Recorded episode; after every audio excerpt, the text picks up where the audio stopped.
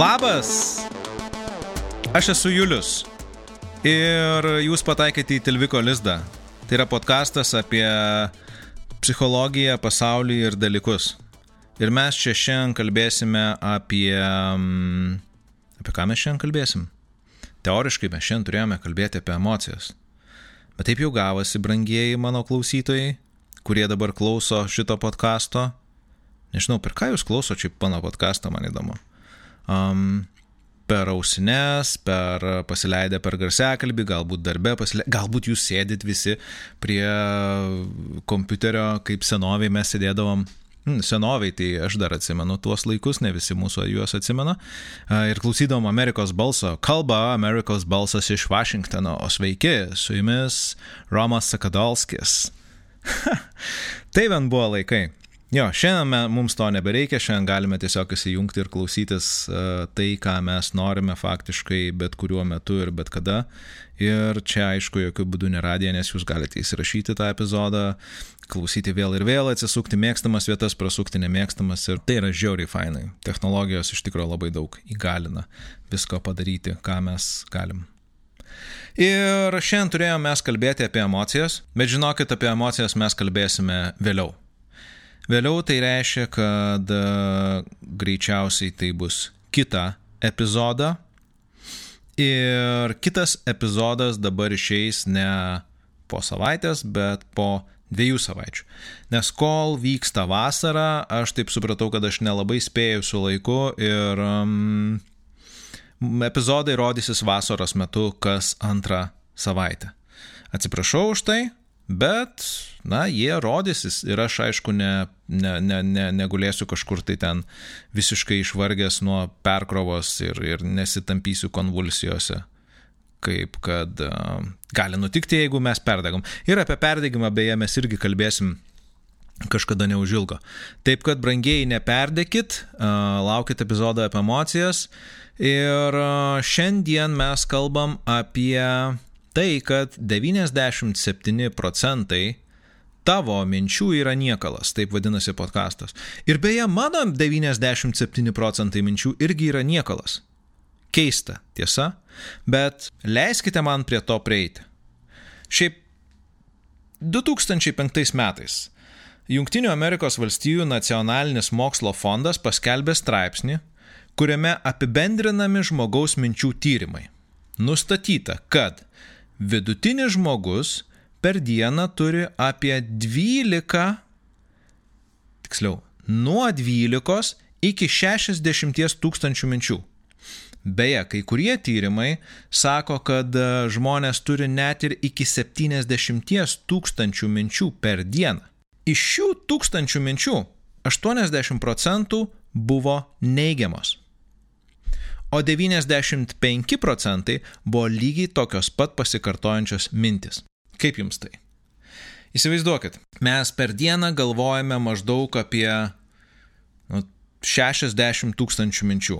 Ok, imkim vidurkį, ne, kažkur tai 40 tūkstančių minčių ir um, iš jų didžioji dauguma yra niekas. Apie nieką, besikartojančios mintis, besisukančios vėl ir vėl ir vėl.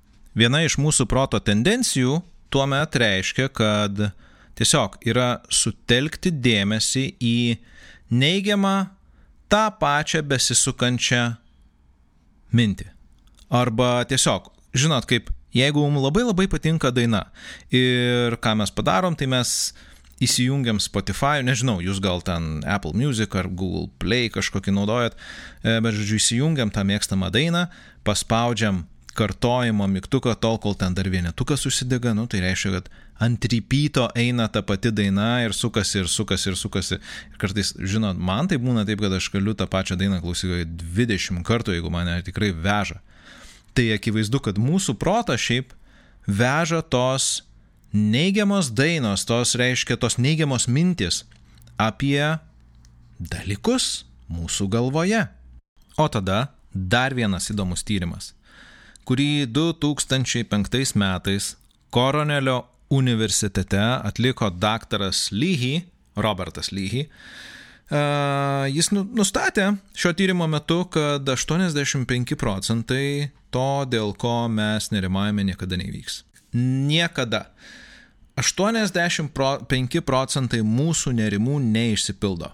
Čia yra šiaip labai nemažas skaičius. Įdomu, kad to tyrimo metu tie likę 15 procentų nerimų, kurie vis dėlto, na, ne nerimų, bet situacijų, dėl kurių žmonės nerimavo ir jos išsipildė, 79 procentams respondentų, tai yra žmonių, kurie buvo apklausti, jie pasirodė tos situacijos arba jos mintise atrodė sunkesnės negu buvo iš tikrųjų, arba iš tų situacijų žmonės išmoko kažką, kas jiems buvo vertinga.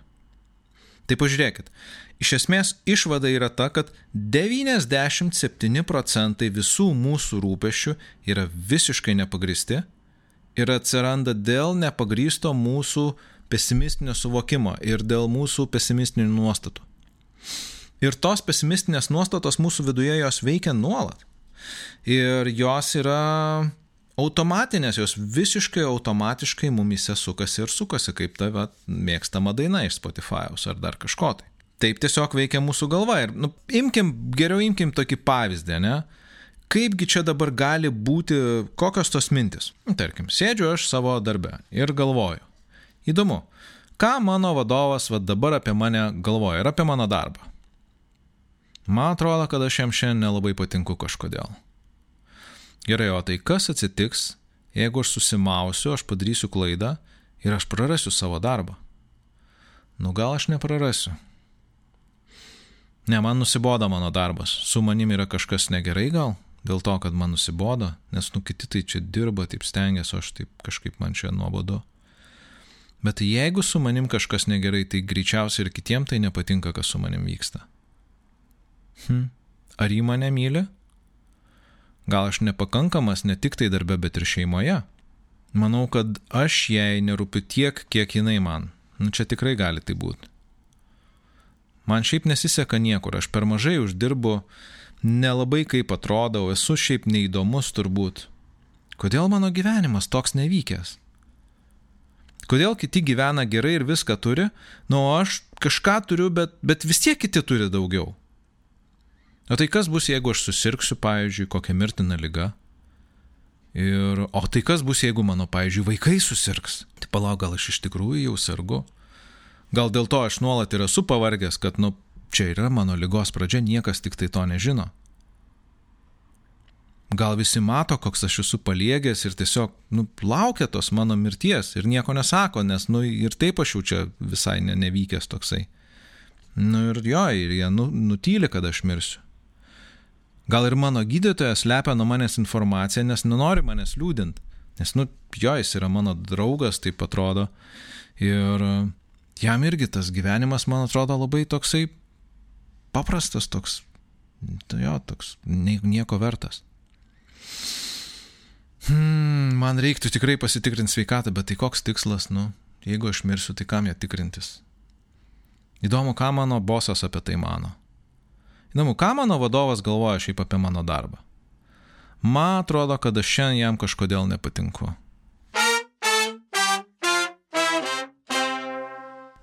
Tos mintis, kurias mes galvojam, jos yra linkę kartotis. Tai yra mes apsukam vieną minčių ratą ir vėl sukam tą patį ir vėl tą patį. Ne tai, kad viena ir ta pati mintis sukasi, nes jeigu viena ir ta pati mintis sukasi, tai turbūt yra kažkokia problema, kurios mes neišsprendėm. Bet um, pažiūrėkime, iš tikrųjų 97 procentai, iš taip paskaičiavus, 97 procentai visų mūsų minčių tai yra bezdalai vėjoje. Tikrai, bezdalai vėjoje daugiau nėra net ką ir pasakyti. Tiesiog jos yra visiškai nereikalingos. Bet tada kyla klausimas, gerai Juliau, nu tai čia aš čia turiu daug tų minčių, tu turi daug tų minčių, ką mums čia dabar daryti? Gal mes galim kažkaip, nežinau, suremt galvas ir pagalvoti, hm, tai kaip čia mums spręsti tas problemas apie savo mintis? Ką čia dabar padaryti, kad, na, būtų iš tikrųjų mums geriau gyventi, kad mes neturėtume to negatyvo ir negalėt, neturėtume tų problemų tokių ir galėtume savo ramiai tiesiog būti. Mm, aš tai galvoju taip, kad uh, iš esmės yra naudingų minčių, nes nėra taip, kad va, visos mūsų mintis, ne, vis dėlto yra tie 3 procentai tų minčių, kurios mums gali būti naudingos. Kokios tos mintis gali būti naudingos? Tai gal šiek tiek apie tai vėliau, bet pirmiausia, aš tai gal norėčiau truputį taip nukrypti į temą apie problemas. Nes šiaip gyvenimas tai yra nesibaigianti problemų virtinė kaip žmonės sako, kokia yra, kokia yra problema? Na, jeigu tu turi kažkokią problemą, tai pinigai išsprendžia problemą. Jeigu pinigai neišsprendžia problemos, dideli pinigai išsprendžia problemą. Jeigu dideli pinigai neišsprendžia problemos, tai problemą išsprendžia labai dideli pinigai. Nu ne, ne visada. Kartais yra problemų, kurių neišsprendžia pinigai. Ir vėlgi, jeigu mes turim pinigų, tai sukuria naujas problemas. Nes žiūrėkime, jeigu žmogus neturi pinigų, tai jisai, jo, jis gali turėti problemų, kaip jam prasimaitinti, kaip jam pragyventi, kaip jam ten nusipirkti daiktų. Jeigu jis turi pinigų, tai yra kitos problemos. Um, Kaip tada tuos, tuos pinigus tvarkyti, kaip jų neprarasti, kaip juos efektyviai išleisti. Jeigu jis juos ten, nežinau, išleidžia kažkaip, tai kaip tada tvarkyti su tais daiktais, nes jie sensta, genda. Jeigu jisai, nežinau, tuos pinigus atidavė labdarai, tai tada vėl jisai jų neturi. Ir, žodžiu, bet kokią, jeigu mes paimsim bet kokį įvykį savo gyvenime, jisai sukuria kitas problemas. Tarkim, tarkim, pavalgiau. Aš buvau alkanas, buvo problema, kad aš esu alkanas. Pavalgiau, mm, buvo skanu, ir jeigu aš valgiau skaniai, tai greičiausiai tai nebus labai sveikai. Nu, mano atžvilgiu, aš nežinau kaip kitų žmonių, bet, nu, tarkim, tai nebus labai sveikai ir dabar, jeigu aš jau pavalgiau, tai nėra labai sveika, tai aš turiu kitą problemą, kad aš priekaištauju savo dėl to, kad aš galėjau sveikau valgyti ir netaip gal skaniai. Arba galėjau galbūt pasieškoti receptų, kur yra ir skanu, ir sveika. Bet žiūrėkit, nes tai jau yra problema, nes aš jau galvoju apie tai, kas čia vyksta. Kitas dalykas, kad, na, pavalgiusi, no, pavalgius norisi galbūt pailsėti. Jeigu aš pavalgiau, jeigu aš suvalgiau maistą, kurį aš turėjau, atsiranda kita problema. Nebeliko maisto, reikia kažkaip jo papildyti. Tai reiškia, aš turiu prasimanyti maisto. Ir bet ką mes, jeigu paimsim, tai bet koks mūsų veiksmas ir išsprendimas vienos problemos, jisai veda į kitos problemos atsiradimą. Tai todėl mūsų visas gyvenimas yra nesibaigiantis problemų sprendimas. Ir aš manau, kad jeigu mes tą priimam ir su tuo susitaikom, tai reiškia, kad, nu, tiesiog yra paprasčiau gyventi, nes mes suprantam, kad, nu, jo, toks yra mūsų darbas šitam gyvenime, nu, tiesiog imti ir spręsti problemas. Ir tai nereiškia, kad problemų sprendimas, pavyzdžiui, nėra, negali būti kelintis pasitenkinimą. Tarkim, na, žmonės kuria, ne? Kokią jie problemą sprendžia? Jie sprendžia tą problemą, kad jų viduje yra kažkoks tai turinys, kurį jie nori dalinti su kitais žmonėmis. Yra kūryba, kurią jie nori padaryti, kurią nori a, paviešinti, parodyti pasauliui arba tiesiog sukurti ir palikti ramybėj. Jie sprendžia šitą problemą. Žmonės, kurie ateina į darbą ir, tarkim, nežinau, džiaugiasi tuo savo darbu, jie sprendžia irgi nuolat problemas. Tarkim, pavyzdys šitas podkastas. Kokią problemą aš sprendžiu? Aš sprendžiu kūrybinę problemą. Aš turiu, na, tokią kūrybinę, nežinau, filosofinę galbūt. Aš manau, kad aš turiu ką pasakyti ir pasidalinti su žmonėm ir tai netelpa mano viduje ir dėl to aš kalbu. Kokias kitas problemas tai sukuria? Na, jeigu aš kalbu, aš tada tikiuosi, kad kažkas tai norės to klausyti. Jeigu kažkas nori to klausyti, reiškia, kad man reikia tai kažkur patalpinti.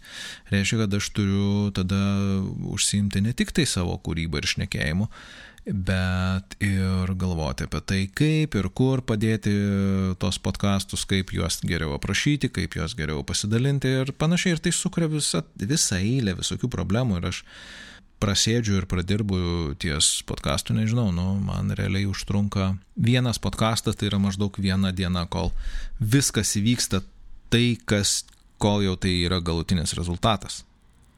O tas galutinis rezultatas tai yra tai, kad, na, jūs vat, girdite tai, kad jūs galite paskaityti vadinamus tos show notes, tai yra turinį, kad tai yra paviešinama, kad yra pasidalinama, nu žodžiu, tai yra maždaug, kad tai yra sukarpama ir iškarpama tos nesąmonės, kuriuo aš ten pripliurpiu, arba visokie bloppers, nežinau, net, net lietuviškai nesugalvoju, kaip, kaip, kaip ten tie vadinasi, bet žodžiu, tokie nesusipratimai. Tai va, tai grįžkime atgal, kad e, jeigu mes turim tą problemų virtinę, tai mes turim iš esmės dvi išeitis. Mes galime tvarkyti su tom problemom ir jas spręsti, ir tai sukuria naujas problemas. Arba antra išeitis, mes galime jas palikti ramybėj, tai yra tų problemų nespręsti. Ir tos problemos sukels arba nesukels naujas problemas. Bet kokiu atveju, žodžiu, mes turime tokią krūvą didelę kalną, didelį kalną problemų, su kuriuo mes turim nuolat tvarkytis ir vėl, ir vėl, ir vėl, ir, ir tai tiesiog yra taip. Kitaip nebus. Ir aš jau girdžiu, kaip, nežinau, kas nors iš, iš, iš, iš klausytojų sako, nu bet palauk, nu, o tai kokia problema, pavyzdžiui, jeigu aš tiesiog gerai leidžiu laiką, kokia čia yra problema, kokią aš čia problemą sprendžiu? Ir kokią tai problemą sukuria? A, tai problema, kurią mes sprendžiame, tai yra mūsų, nežinau, džiugesio poreikio, o, poilsio poreikio patenkinimas.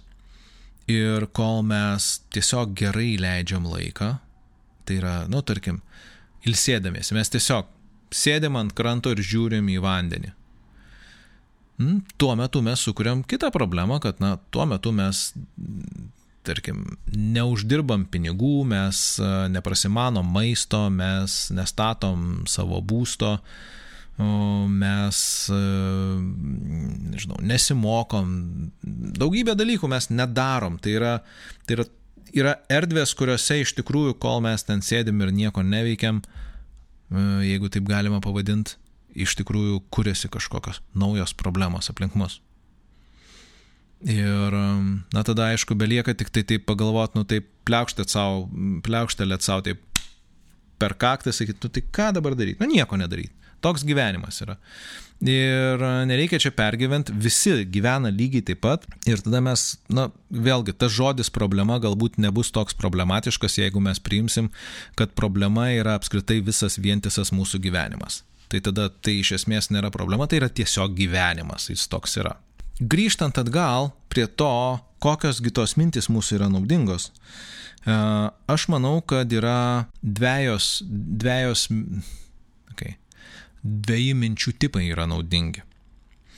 Tai e, vienas iš tikrųjų minčių tipas naudingas, kuris yra skirtas problemų sprendimui, realiam. Tai yra tik spręsdami problemas mes įgalinam save pasirinkti, kokias problemas mes spręsime vėliau. Tai reiškia, jeigu aš nusprendžiau, kad aš spręsiu kažkokią problemą, tai aš maždaug numatau, kokias tai gali sukelt problemas, arba nenumatau, tai gali nebūtinai vykti sąmoningai. Žinot, nes tai atrodo, kad čia, o, tu čia turi galvoti, kaip Rodeno mąstytojas toks parimės ir tik tai galvoti ir galvoti. Ne, nu, Jie, natūraliai, mums, pavyzdžiui, jeigu aš pavalgiau, žinau, kad bus kita problema, nešvarių indų krūva. Tai aš tiesiog turėsiu tą problemą išspręsti. Bet jeigu mes renkamės spręsti problemas, tai mes turim daugiau kontrolės. Jeigu mes pasirinkom pavalgyti, tai nu, natūralu, kad a, kažkas turės tuos indus e, suplauti. Mes ar indaplovė, nesvarbu, bet mes turėsim kažkaip tą problemą išspręsti. Taigi, jeigu mes renkame spręsti problemas, tai yra naudingos tik tos mintis, kurios iš tikrųjų siejasi su problemų sprendimu. Tai yra konkrečiai, kada mes galvojam, aha, nu tai dabar aš turiu šitą problemą, tai man dabar, jeigu aš padarysiu taip, tai tada tai sukelia tą, arba ten tą problemą, arba tą.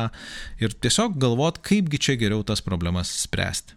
Aišku, dalis tų minčių bus gana automatinės, o kita dalis bus turbūt tokių, kur sąmoningai mes jas svarstysim ir suvoksim, nes kuo sudėtingesnė problema, tuo mūsų o, sąmoningesnės turi būti mintis, nes mes apie tai anksčiau negalvojame kai ką mes tiesiog padarom automatu ir mes apie tai net ne, nesusimastom.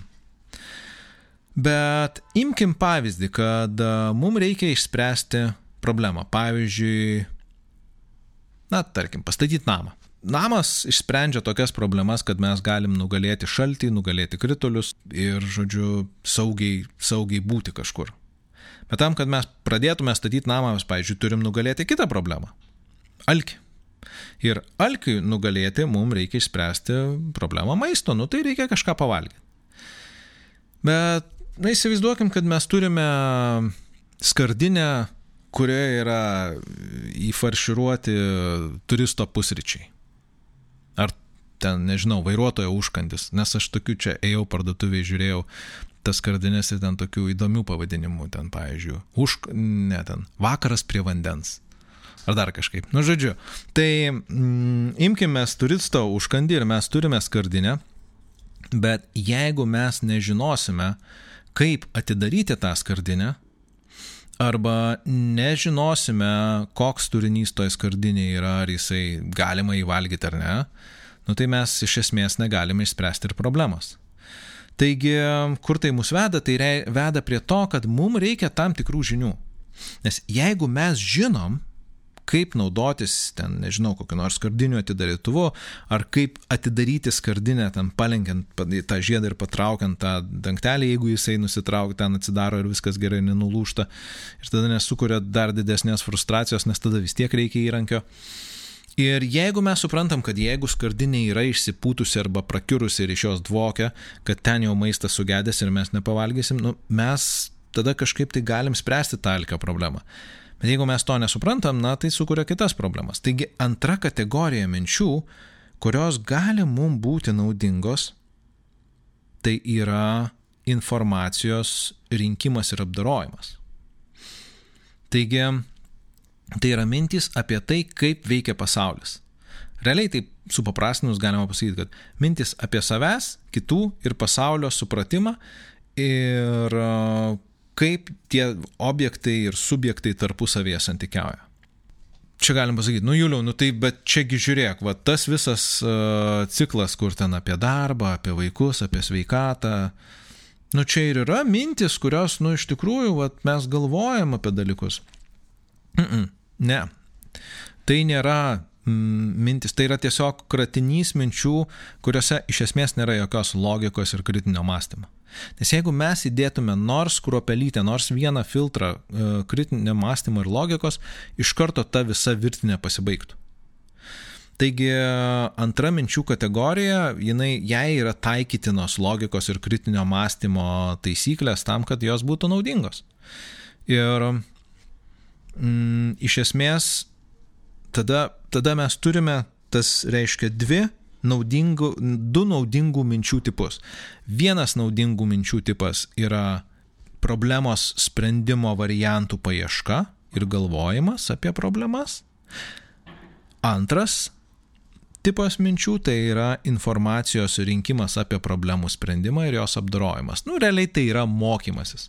Naujų įgūdžių, naujų e, įpročių, naujų supratimų, naujų patirčių prieimimas. O, ir nebūtinai tai turi būti tokios labai, na, vien tik tai loginės, bet iš esmės tai, ką mes naujo patiriam ir naujo suvokiam, naujo atrandam, tai yra naudinga mums. Ir dabar žiūrėkit. Aš čia va taip kalbėjau, kalbėjau ir kai aš galvojau apie šitą epizodą, taip irgi pagalvojau, kad, nu, nuskamba grinai kaip roboto galva.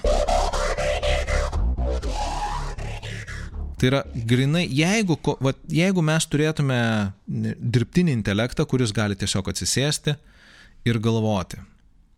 Ir jisai aišku rinktųsi galvoti tik tai tas mintis, kurios sprendžia problemas, arba tas mintis, kurios padeda problemų sprendimui, tai yra suteikia naujos informacijos ir gali padėti kategorizuoti dalykus, gali padėti rasti loginius ryšius tarp jų, gali padėti suvokti tai, ko, kaip veikia mm, pasaulis, kokie, kokie yra, aiškiai, konceptualizuoti dalykus. Tai yra grinai toks be jokių emocijų veikiantis roboto galvos mechanizmas.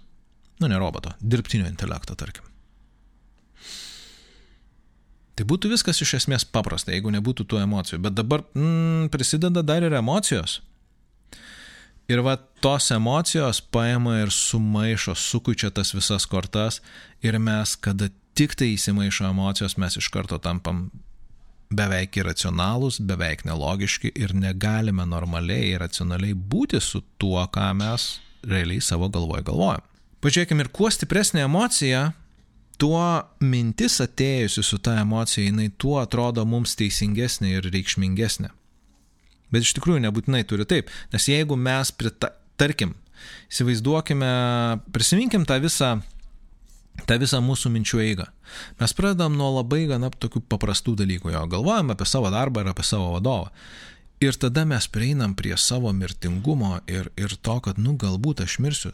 Ir jeigu man tai sukelia labai stiprų nerimą, tai aš galiu iš tikro pradėti galvoti ir taip hipochondrikam yra, kad tos mintys apie savo, savo neįgalumą arba savo lygą, jos yra labai labai, labai labai stiprios ir su labai stipriam emocijom susiję. Ir todėl jos atrodo iš tikrųjų labai teisingos. Nes jeigu aš pagalvoju kažkokią mintį ir man jinai sukelia stiprų jausmą, tai reiškia, kad tai man yra labai reikšminga. Ir tiesa, kad tai gali būti labai reikšminga, bet tai nereiškia, kad ta mintis, kuri man sukelia stiprią emociją, yra teisinga. Šiaip keisdami savo mintis mes galime keisti kai kurias savo emocijas. Ir tuo remiasi kognityvinės elgesio terapijos nuostatai. Minčių kaitimu. Jeigu mes keičiam savo mąstyseną, keičiasi mūsų emocinės būsenos automatiškai. Nes emocijos yra tai, kaip mes reaguojame į aplinkinius dalykus arba vidinius dalykus. Bet nebūtinai turi keistis tos emocijos, nes mes esam ne tiek primityvūs, kad būtume tik tai savo mintis. Mes esame taip pat ir savo praeities patirčių įtakojami, mes esame įtakojami savo vidinių nuostatų, mes esame įtakojami savo traumų, kompleksų. Žodžiu, mes esam toks didelis kamolys visokių a, psichoemocinių įvykių, vykstančių ir dabar ir praeitį visumą. Todėl taip suprimityvinti ir pasakyti, kad vien tik tai pakeitus mintį viskas pasikeis, nu ne, taip nebus. Minčių kaitimas arba, arba įsisamoninimas to, ką mes galvojam, gali padėti iš tikrųjų formuoti naujus mūsų psichologinius įpročius. Tai kaip mes galvojam, taip mes ir jaučiamės iš dalies. Bet jeigu tai kartosim ir kartosim ir tai gerės ir mes lengviau ir geriau įsisamoninsim tai, kas su mumis vyksta, na, mums iš esmės tada o, mes pradėsime keisti tai, kaip mes galvojam. Ankstesnėme epizode aš esu sakęs apie tokį e, psichologinį pratimą pozityviam mąstymui. Tai yra, jeigu mes tik tai a, pagalvojam negatyvę mintį, mes jeigu iš karto pasukam tą mintį tokią, na, tokią abejonę. Gerai, o kas pozityvaus, jeigu, to, jeigu būtų prie tos negatyvios minties, jeigu taip nutiktų? Tarkim, mane atleidžia iš darbo, kas pozityvaus gali iš to būti? Na, pozityvaus iš to gali būti, kad aš tiesiog turėsiu daugiau laiko. Ir jeigu mes tą pratimą kartojam ir kartojam, tai gali mums padėti tiesiog tapti na, labiau susivokiantiem, kad nėra taip viskas ir blogai. Ir žinoma, prisiminkim statistiką to tyrimo kad didžioji dalis to, ką mes galvojam, kas bus neigiama, tai greitai nebūna taip blogai, nes vėlgi čia yra, mm, man atrodo, Dan ir Jeli darė, darė tyrimą, ar bent jau jisai komentavo tokį tyrimą, kad žmonės negeba, apskritai fenomeną gal labiau reikėtų sakyti ne tyrimą, bet žmonės negeba įsivaizduoti, kaip jų psichika adaptuotis prie pasikeitusių neigiamai arba teigiamai aplinkybių. Tai reiškia, iš esmės mūsų psichika yra adaptyvi, bet jinai nėra uh, tiek išvystyta, kad jinai galėtų suprasti, kad ir pati psichika adaptuosis. Vėlgi, aš grįžtu prie to, kad emocinis vertinimas mūsų minčių, net jeigu jis labai labai stiprios tos emocijos siejasi su to mintim, nerodo, kad ta mintis yra teisinga arba klaidinga. Na nu ir dabar aišku, gali kilti klausimas. Tai Juliau, tu čia pasakė, iškėliai problemą. Iškėliai problemą, parodai ir ką dabar man su tuo daryti. Na, jūs renkatės, ką daryti. Galite nedaryti nieko, galite kažkaip tai kažką daryti. Bet iš esmės žiūrėti į emocijas mes galim taip, kaip į bet kokius kitus reiškinius, kurie ateina ir praeina. Nes emocijos iš tikrųjų, jos ateina, pabūna ir praeina. Net ir labai labai stiprios emocijos, jos netrunka labai ilgai. Nes kuo stipresnė emocija, tuo mums labiau reikia organizmo, tuo daugiau organizmo resursų reikia tą emociją apdoroti. Pavyzdžiui, labai labai stiprus nerimas, baime ar liūdėsys. Mm, tos emocijos trunka iki pusvalandžio, po to jos sumažėja, jos nuslūksta ir, ir mes tada su jomis galime tvarkytis. Taigi netgi labai labai stiprios emocijos, jos netrunka ilgai. Žiūrėkim į emocijas nuo 0 iki 10. Tai didžioji dalis mūsų emocijų yra tarp kokių ten 7 ir 4. Nes 8, 9, 10 yra ekstremalios emocijos, labai stiprios. Ir neretai žmonės, su kuriais kalbė ir paklausiu, žiūrėk, tai tau liūdna, jo, man liūdna dabar. Ir kiek tu jauti liūdėsio? Nu, 10, man labai labai liūdna. Gerai, o tai jeigu tavo mirtų dabar šuo, ar tau būtų liūdna? O, būtų dar labiau liūdna. Aha, nu tai čia 10 jau maksimalus, tai, nu, tai gal vis dėlto mažiau negu 10, nu jo. Bet 9 tada gerai, o jeigu, o jeigu mirtų tavo, pavyzdžiui, nu ir šuo mirtų, ir dar tavo mylimasis mirtų. O, tai tada būtų dar liūdniau. Tai gal tada jau net nebe, nebe, nebe devynė, gal kokie septyni. Na, nu, žodžiu, ir taip mes suprantam, kad iš tikrųjų gali būti daugybė dalykų, kurie dar gali įvykti ir kad mes tuo metu tą emociją įvertinam kaip labai stiprią, bet jinai iš tikrųjų tokia nėra. Taigi, ką su tom emocijom daryti? Tai tiesiog priimti jas, pasveikinti, padėkoti, kad joms kad atėjo ir paleisti. Aš tai į emocijas e, šiaip e, žiūriu ir beje ir į tas visas negatyvės mintis, kurios tiesiog ateina, mm, žiūriu taip kaip panašiai kaip medituojant. Kad tą mintis ateina ir aš žiūriu ją kaip į bangą. Aš guliu ant e, kokios nors, šiuo atveju, mano atveju, tarkim, ant irklentės. Ir banga atėjo, jinai praėjo papačią, irklentė subangavo ir nuėjo banga ir viskas tiek žinių.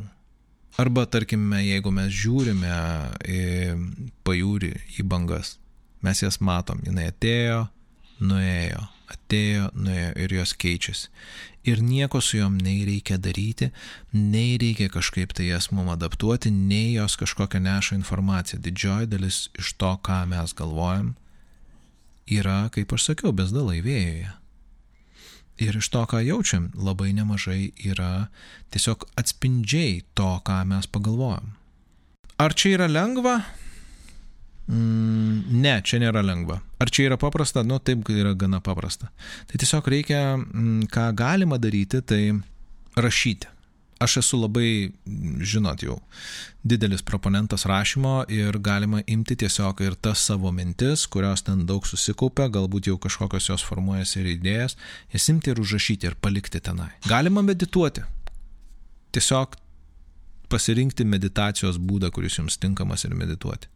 Galima taikyti sąmoningo įsisamoninimo technikas.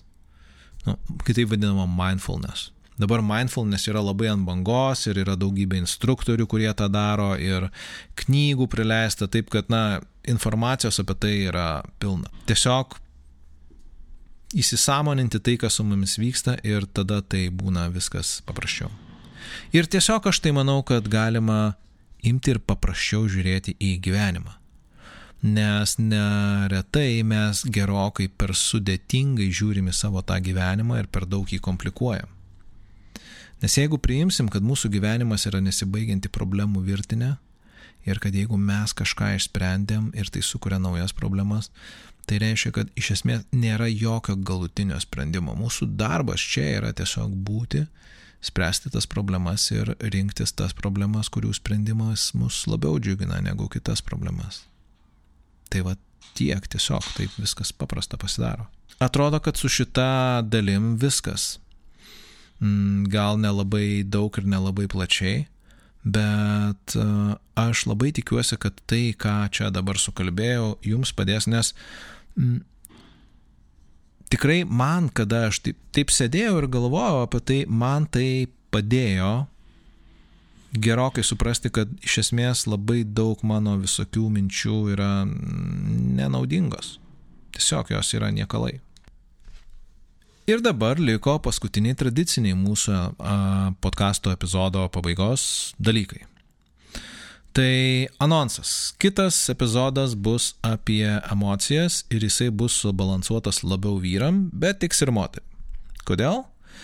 Todėl, kad mum vyram su emocijom Ypač jeigu mes nesame edukuoti ir treniruoti psichologai ar psichoterapeutai ar tiesiog mindfulness treneriai ar dar kažkokie tai žmonės, kurie dirba su emocijom, yra gerokai sunkiau būti ir suprasti, kas vyksta, tai todėl aš pats būdamas vyru sugalvojau tokių mm, priemonių, kaip man su tom emocijom lengviau na, ne tai, kad tvarkytis, bet kaip jas geriau suprasti.